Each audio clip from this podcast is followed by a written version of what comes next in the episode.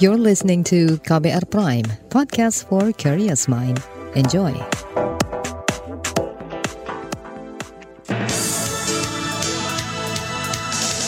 Halo selamat pagi saudara, senang sekali bisa menjumpai Anda kembali melalui program Buletin Pagi edisi Selasa 19 April 2022.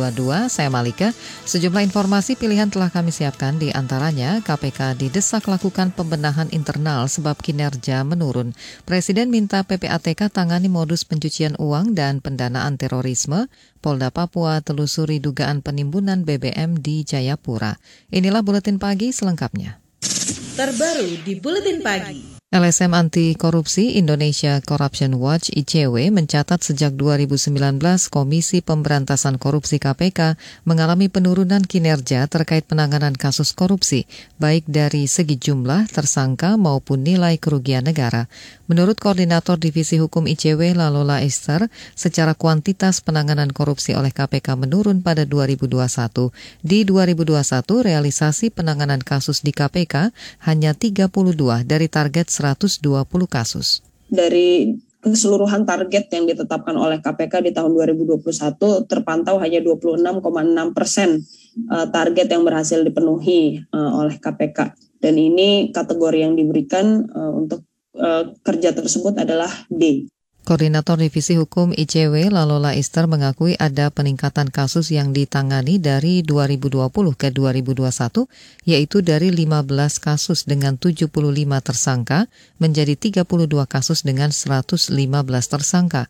Sementara terkait kualitas penanganan kasus, kata dia, KPK belum banyak menyasar aktor strategis, berbeda dengan kejaksaan dan kepolisian yang lebih banyak menyasar aktor strategis. Menurutnya kinerja KPK juga disoroti komisi yang membidangi hukum di DPR. Anggota Komisi Hukum DPR Johan Budi mengatakan menurutnya kinerja bisa dilihat dari setoran pendapatan negara bukan pajak PNBP yang disetorkan kepada negara dari RDP kemarin itu kalau dia ngelaporin 2022 itu kan berarti tahun tahun sebelumnya kan itu PNBP-nya menurun. Tapi saya lupa berapa miliar itunya nilainya itu lupa sih. Tapi kalau dari kacamata saya KPK masih bekerja gitu meskipun rame itu yang kemarin soal TWK dan lain sebagainya itu uh, masih bekerja quote unquote ya, masih menangani perkara dan menangkap perkara-perkara besar juga. Gitu. Johan Budi yang juga politisi PDI Perjuangan ini menambahkan ada beberapa faktor yang bisa mempengaruhi kinerja KPK di 2021, di antaranya pandemi COVID-19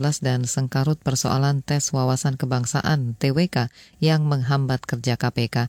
Dalam lima tahun terakhir, setoran pendapatan negara bukan pajak PNBP yang disetorkan kepada negara terus turun, jika pada 2017 KPK berhasil menyetor PNBP ke kas negara 1,9 triliun rupiah dalam waktu setengah tahun tahun, setoran ini merosot di kisaran 246 miliar rupiah pada 2021. Sementara itu, KPK menyerahkan kontrol dan pengawasan terkait pelaksanaan tugas-tugas pemberantasan korupsi yang sedang dijalankan oleh seluruh aparatur lembaga anti rasuah kepada Dewan Pengawas Dewas KPK, termasuk pengusutan dugaan pelanggaran etik Wakil Ketua KPK Lili Pintauli Siregar. Hal ini diungkapkan juru bicara KPK Ali Fikri. KPK menyerahkan sepenuhnya kepada Dewan Pengawas KPK atas uh, proses tindak lanjut uh, terhadap pengaduan dimaksud.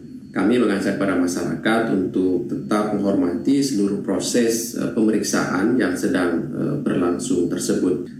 Juru bicara KPK Ali Fikri yakin profesionalitas Dewas untuk memeriksa setiap aduan sesuai dengan ketentuan mekanisme, mekanisme dan kewenangan tugasnya.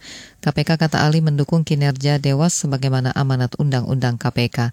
Saudara baru-baru ini kinerja KPK kembali disorot usai salah satu pimpinannya Lili Pintauli diduga melanggar etik setelah terbukti melakukan kontak dengan tersangka suap bekas wali kota Tanjung Balai Sumatera Utara. Lili diduga menerima gratifikasi berupa fasilitas hotel milik BUMN saat gelaran MotoGP di Mandalika.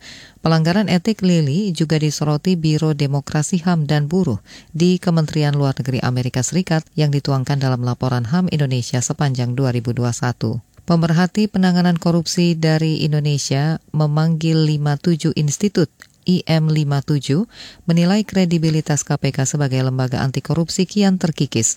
Menurut Ketua IM57 Praswat Nugraha, hal itu bisa dilihat dari sikap pimpinan KPK yang tebang pilih memecat pegawai berintegritas dan mempertahankan pimpinan KPK yang terjerat kasus kode etik.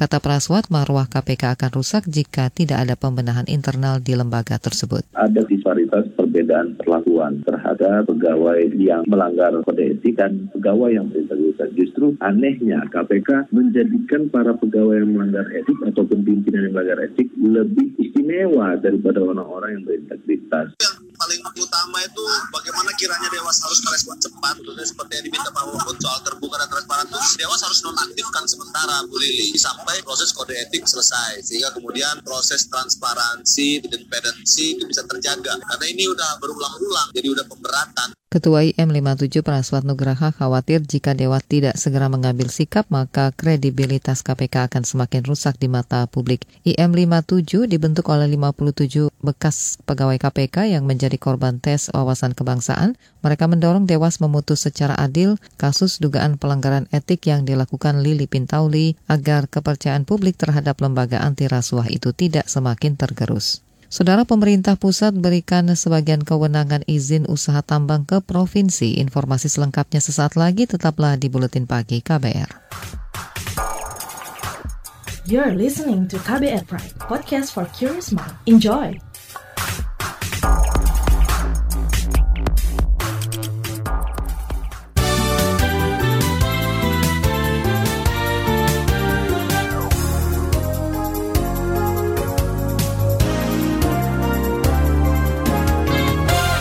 Saudara Presiden Joko Widodo meminta seluruh kementerian lembaga termasuk Pusat Pelaporan dan Analisis Transaksi Keuangan PPATK jeli dan bergerak cepat menangani modus baru tindak pidana pencucian uang dan pendanaan terorisme.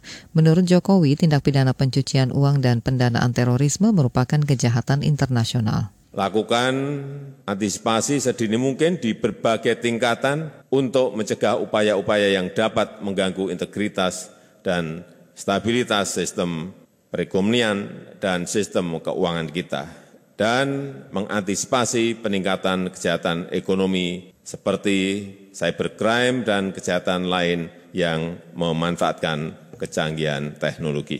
Itu tadi Presiden Jokowi. Sebelumnya Pusat Pelaporan dan Analisis Transaksi Keuangan PPATK menerima sekitar 240 jutaan laporan transaksi keuangan. Kepala PPATK Ivan Yustia Fananda mengatakan rata-rata laporan yang diterima lembaganya sekitar 45 ribu transaksi per jam. Pemerintah pusat menerbitkan peraturan presiden Perpres tentang pendelegasian pemberian izin usaha bidang pertambangan mineral dan batu bara. Dalam Perpres itu sebagian kewenangan pemberian izin usaha tambang dialihkan ke pemerintah provinsi. Dirjen Minerba Kementerian ESDM Ridwan Jamaludin berharap tidak ada kekacauan usai Perpres ini terbit. Bahwa jangan sampai pemberlakuan Perpres ini menimbulkan dalam tanda petik kekacauan dalam perizinan sehingga kami akan uh, kami sedang mengatur sebetulnya misalnya eh, dokumen-dokumen pengajuan perizinan yang sudah masuk akan terus diproses, namun nanti ada batas waktunya untuk kemudian dilanjutkan prosesnya kepada provinsi. Dirjen Minerba di Kementerian ESDM Ridwan Jamaludin menambahkan tidak ada niat pemerintah menunda pemberian izin usaha tambang. Ia mengklaim kementeriannya tengah mengatur transisi perubahan pendelegasian agar berjalan mulus. Pemerintah mengklaim lebih dari 99 persen populasi di Indonesia sudah memiliki antibodi COVID-19.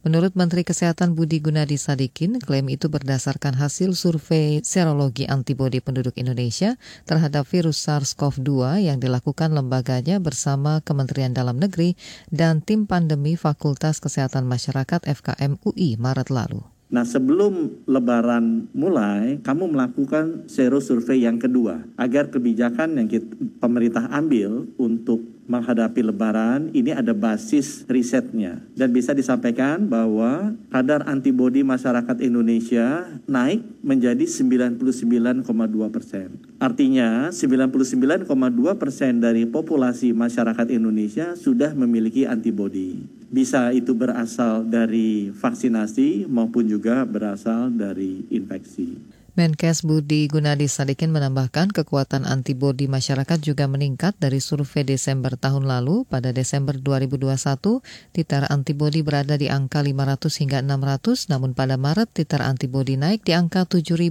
hingga 8.000. Beralih ke informasi mudik lebaran 2022, Presiden Jokowi memperkirakan akan terjadi kemacetan parah saat mudik lebaran nanti. Pasalnya kata dia, hasil survei Kementerian Perhubungan menyatakan akan ada 23 juta mobil serta 17 juta sepeda motor yang akan digunakan pemudik pulang ke kampung halamannya. Oleh karena itu, saya mengajak masyarakat untuk menghindari puncak arus mudik pada tanggal 28 29 dan 30 April 2022. Jokowi menambahkan pemerintah telah menyiapkan rekayasa lalu lintas seperti pemberlakuan satu arah dan ganjil genap dan larangan truk masuk tol guna mengantisipasi kemacetan. Kepala negara juga mengimbau masyarakat mudik lebih awal dan tetap mematuhi protokol kesehatan. Sementara itu, Kementerian Perhubungan menyediakan kuota mudik gratis kedua untuk lebih dari 10.000 orang. Tujuannya, kata juru bicara Kemenhub Adita Irawati, guna mengurangi jumlah pemudik jarak jauh yang menggunakan sepeda motor karena rawan kecelakaan. Sebelumnya, kuota mudik gratis Kemenhub pertama untuk lebih dari 10.000 telah habis dipesan.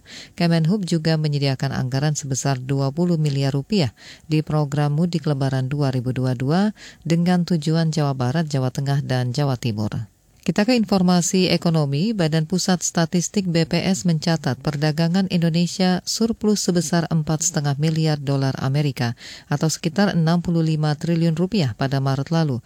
Kepala BPS Margo Yuwono menyebut surplus terjadi karena nilai ekspor lebih tinggi dari nilai impor, yakni 26 miliar dolar atau sekira 373 triliun untuk ekspor, sedangkan impor lebih dari 300 triliun rupiah.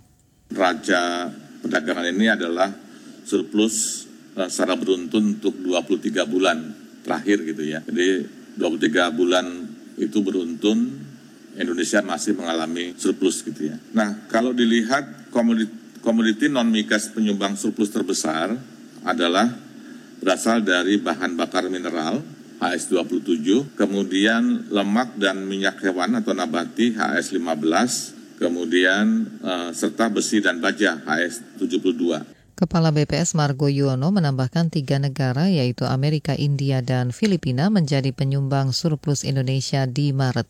Di sisi lain, neraca perdagangan Indonesia mengalami defisit dengan beberapa negara di antaranya Thailand, Australia, dan Argentina. Kita ke mancanegara, kemarin Korea Selatan mencabut hampir semua aturan terkait pencegahan COVID-19 di tengah penurunan kasus varian Omikron dan infeksi harian virus corona. Dengan kebijakan baru itu, pemerintah Korea Selatan menghapus jam malam dan membolehkan makan di bioskop atau fasilitas umum lainnya dalam ruangan. Namun pemerintah Korsel masih mewajibkan warganya mengenakan masker.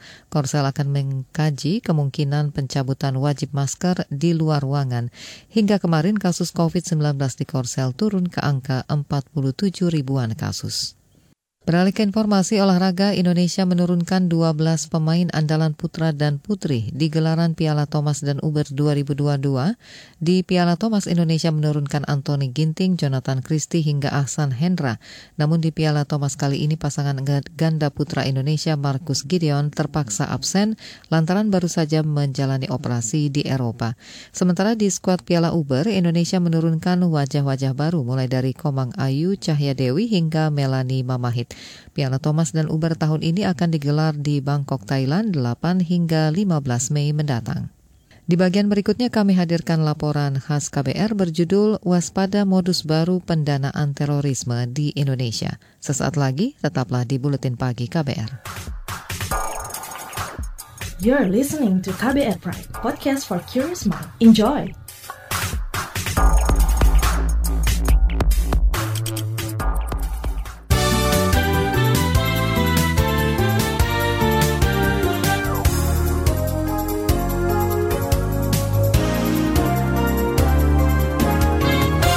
Presiden Joko Widodo memerintahkan jajarannya mewaspadai modus baru pendanaan terorisme yang berpotensi mengancam Indonesia.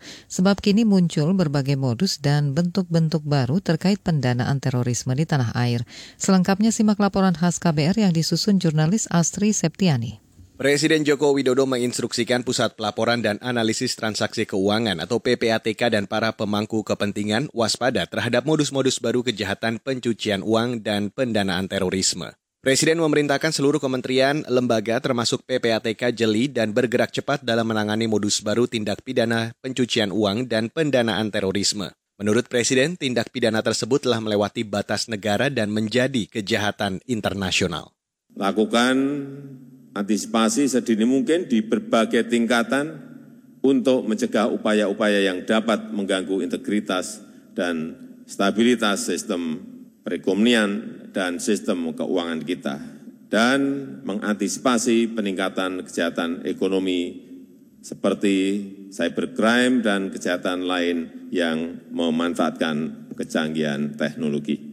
Presiden menyebut pencegahan dan pemberantasan tindak pidana pencucian uang dan pendanaan terorisme tidak bisa dilakukan PPATK sendiri. Perlu kerja keras bersama. Terlebih, kini muncul berbagai modus dan bentuk-bentuk baru kejahatan pencucian uang dan pendanaan terorisme. Kekhawatiran Presiden Jokowi beralasan, sebab pada awal tahun ini, Badan Nasional Penanggulangan Terorisme atau BNPT memasukkan 8 yayasan penggalangan dana kemanusiaan ke dalam daftar terduga teroris dan organisasi teroris. Kepala BNPT Boy Rafli Amar mengatakan, delapan yayasan itu diidentifikasi dari puluhan yayasan dan lembaga amal yang terafiliasi dengan kelompok teroris seperti Jamaah Islamiyah, Jamaah Ansarud Daulah hingga Negara Islam Indonesia atau NII. Antara lain namanya adalah Hilal Ahmar Society Indonesia, Muslimah Bima Peduli, Gerakan Sehari Seribu, Baitul Mal Al-Islah, Al-Haramin Foundation Indonesia, Baitul Mal Ummah, Abu Ahmad Foundation Azam Dakwah Center. Kita harapkan tidak lagi melakukan aktivitas penggalangan dana karena sudah berkaitan dengan fakta-fakta dalam penyalahgunaan dana amal untuk kepentingan mendukung, memfasilitasi berkaitan dengan berkembangnya paham radikal terorisme. Kepala BNPT Boy Rafli Amar mengatakan, sejauh ini kelompok teroris teridentifikasi menggunakan cara pengumpulan dana menggunakan kotak amal, yayasan kemanusiaan penggalangan dana dengan dalih bisnis, urun dana, MLM, dan sebagainya. Selain itu, BNPT juga berupaya ikut mengawasi transaksi berbasis mata uang digital atau kripto agar tidak dijadikan alat pendanaan terorisme. Pada pekan lalu, Mabes Polri menetapkan 16 tersangka teroris kelompok negara Islam Indonesia atau NII yang ditangkap di wilayah Tanggerang, Banten. Juru bicara Mabes Polri Ahmad Ramadan menyebut jaringan NII sudah berkembang di sejumlah wilayah di tanah air, semisal Maluku, Jakarta, Tangerang, Jawa Barat, Sulawesi, Bali, dan Sumatera Barat. Potensi teror jaringan teroris Sumatera Barat ini antara lain mengubah ideologi Pancasila menjadi ideologi syariat Islam yang kafah. Adanya upaya serangan teror yang tertuang dalam wujud perintah mempersiapkan senjata tajam yang disebutkan dengan nama golok dan juga mencari para pandai besi. Ahmad Ramadan menambahkan, menurut Detasmen Khusus atau Densus 88 Anti Teror Polri, kelompok NII diduga telah mencuci otak anak-anak di bawah umur. Kata dia, proses perekrutan NII dilakukan terstruktur dan sistematis. Itu sebab pengamat terorisme dari UIN Syarif Hidayatullah, Zaki Mubarak, meminta pemerintah mewaspadai doktrin jaringan kelompok terorisme NII. Sebab kelompok ini sangat lihai dan pandai berkamuflase di tengah masyarakat sehingga sulit dideteksi. Zaki menyebut jaringan NII mudah menyamar sebagai kelompok profesi, kelompok usaha, dan sebagainya. Karena itu ia mendorong Detasemen Khusus 88 atau Densus 88 melacak aliran dana jaringan kelompok terorisme NII yang tengah bangkit. Kan dana ini kan dana yang berasal dari dana FAI, infak gitu, masing-masing anggota itu dipaksa infak. Bahkan akhirnya ada yang melakukan curanmor, pencurian, dan macam sebagainya. Dana-dana itu bertingkat dari level kelurahan, kemudian masuk ke kecamatan, kabupaten, kota, dan pusat. Pusatnya itu kemudian pusat NII.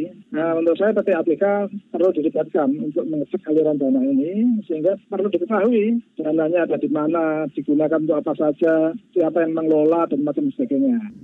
Dalam catatan PPATK, salah satu organisasi yang menjadi pengumpul pencucian uang ialah organisasi terorisme. Menurut PPATK, terdapat arus transaksi ilegal yang berguna untuk mendanai terorisme. Ada beberapa ciri umum, antara lain cenderung menggunakan sistem pembayaran elektronik untuk memindahkan uang ke beberapa negara. Meski pendanaan bukan tujuan akhir terorisme, menurut PPATK, pendanaan menjadi urat nadi dalam menjalankan tujuan ideologis dan serangan aksi terorisme. Dan saudara demikian laporan khas KBR yang disusun Astri Septiani. Saya, Reski Mesanto. Informasi dari daerah akan hadir usai jeda, tetaplah di Buletin Pagi KBR. You're listening to KBR Pride, podcast for curious mind. Enjoy!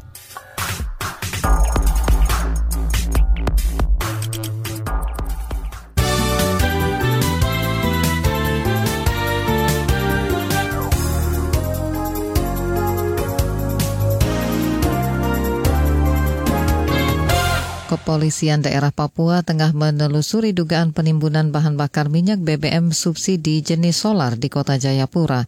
Menurut Direktur Reskrim Khusus Polda Papua Riko Taruna Maura, pengusutan dilakukan usai warga melapor sering terjadi kelangkaan solar di salah satu SPBU di kota itu. Modusnya dengan ulang balik beli nanti akan kita kembangkan apakah memang uh, dari uh, pihak SPBU-nya sendiri ikut-ikut bermain di situ, pilihnya di SPBU Tanah Hitam. Ini pemain lama. Kalau masalah seringnya mungkin tidak setiap hari, tetapi dalam waktu-waktu tertentu. Direktur Reskrim Polda Papua Riko Taruna menyebut Polda Papua telah menangkap empat sopir truk yang diduga terlibat penimbu, penimbunan. Polisi juga menyita dua ribuan liter solar. Polda Nusa Tenggara Barat membeberkan bukti kuat yang menyebut Murtede alias Amak Sinta sebagai korban begal di Lombok Tengah. Di Reskrimum Polda NTB, Hari Brata menyebut bukti didapat dari saksi petunjuk yang merupakan kedua pelaku selamat. Dari kesaksian mereka terungkap keempat orang itu telah merencanakan aksi. Selain bukti dari keterangan saksi pelaku, bukti lain adalah hasil olah TKP dan penyitaan barang bukti di lokasi kejadian, termasuk otopsi jenazah. Saat ini proses hukum kedua pelaku selamat tengah berjalan di Polres Lombok Tengah, sementara korban begal Amak Sinta ber, berterima kasih kepada masyarakat yang telah mendukungnya dan membuat polisi menerbitkan surat perintah penghentian penyidikan dan bebas dari perkara itu. Badan Penanggulangan Bencana Daerah BPBD Kabupaten Cilacap, Jawa Tengah akan memasang peringatan dini atau early warning system longsor di bagian atas permukiman warga Dusun Citulang sebelum warga kembali ke rumah dari pengungsian. Kepala Pelaksana Harian BPBD Cilacap Wijonar di mengatakan saat ini petugas tengah mengecek instalasi air bersih dan tinggal disalurkan ke rumah warga, termasuk berkoordinasi dengan PLN untuk memastikan keamanan jaringan listrik di masing-masing rumah penduduk. Informasi tadi menutup jumpa kita di Buletin Pagi hari ini. Pantau juga informasi terbaru melalui kabar baru, situs kbr.id, Twitter kami di akun @beritaKBR serta podcast di alamat kbrprime.id. Saya Malika bersama tim yang bertugas undur diri. Salam.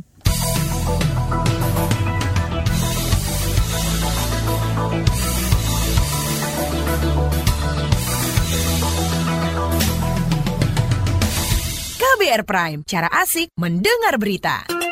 KBR Prime, podcast for curious mind.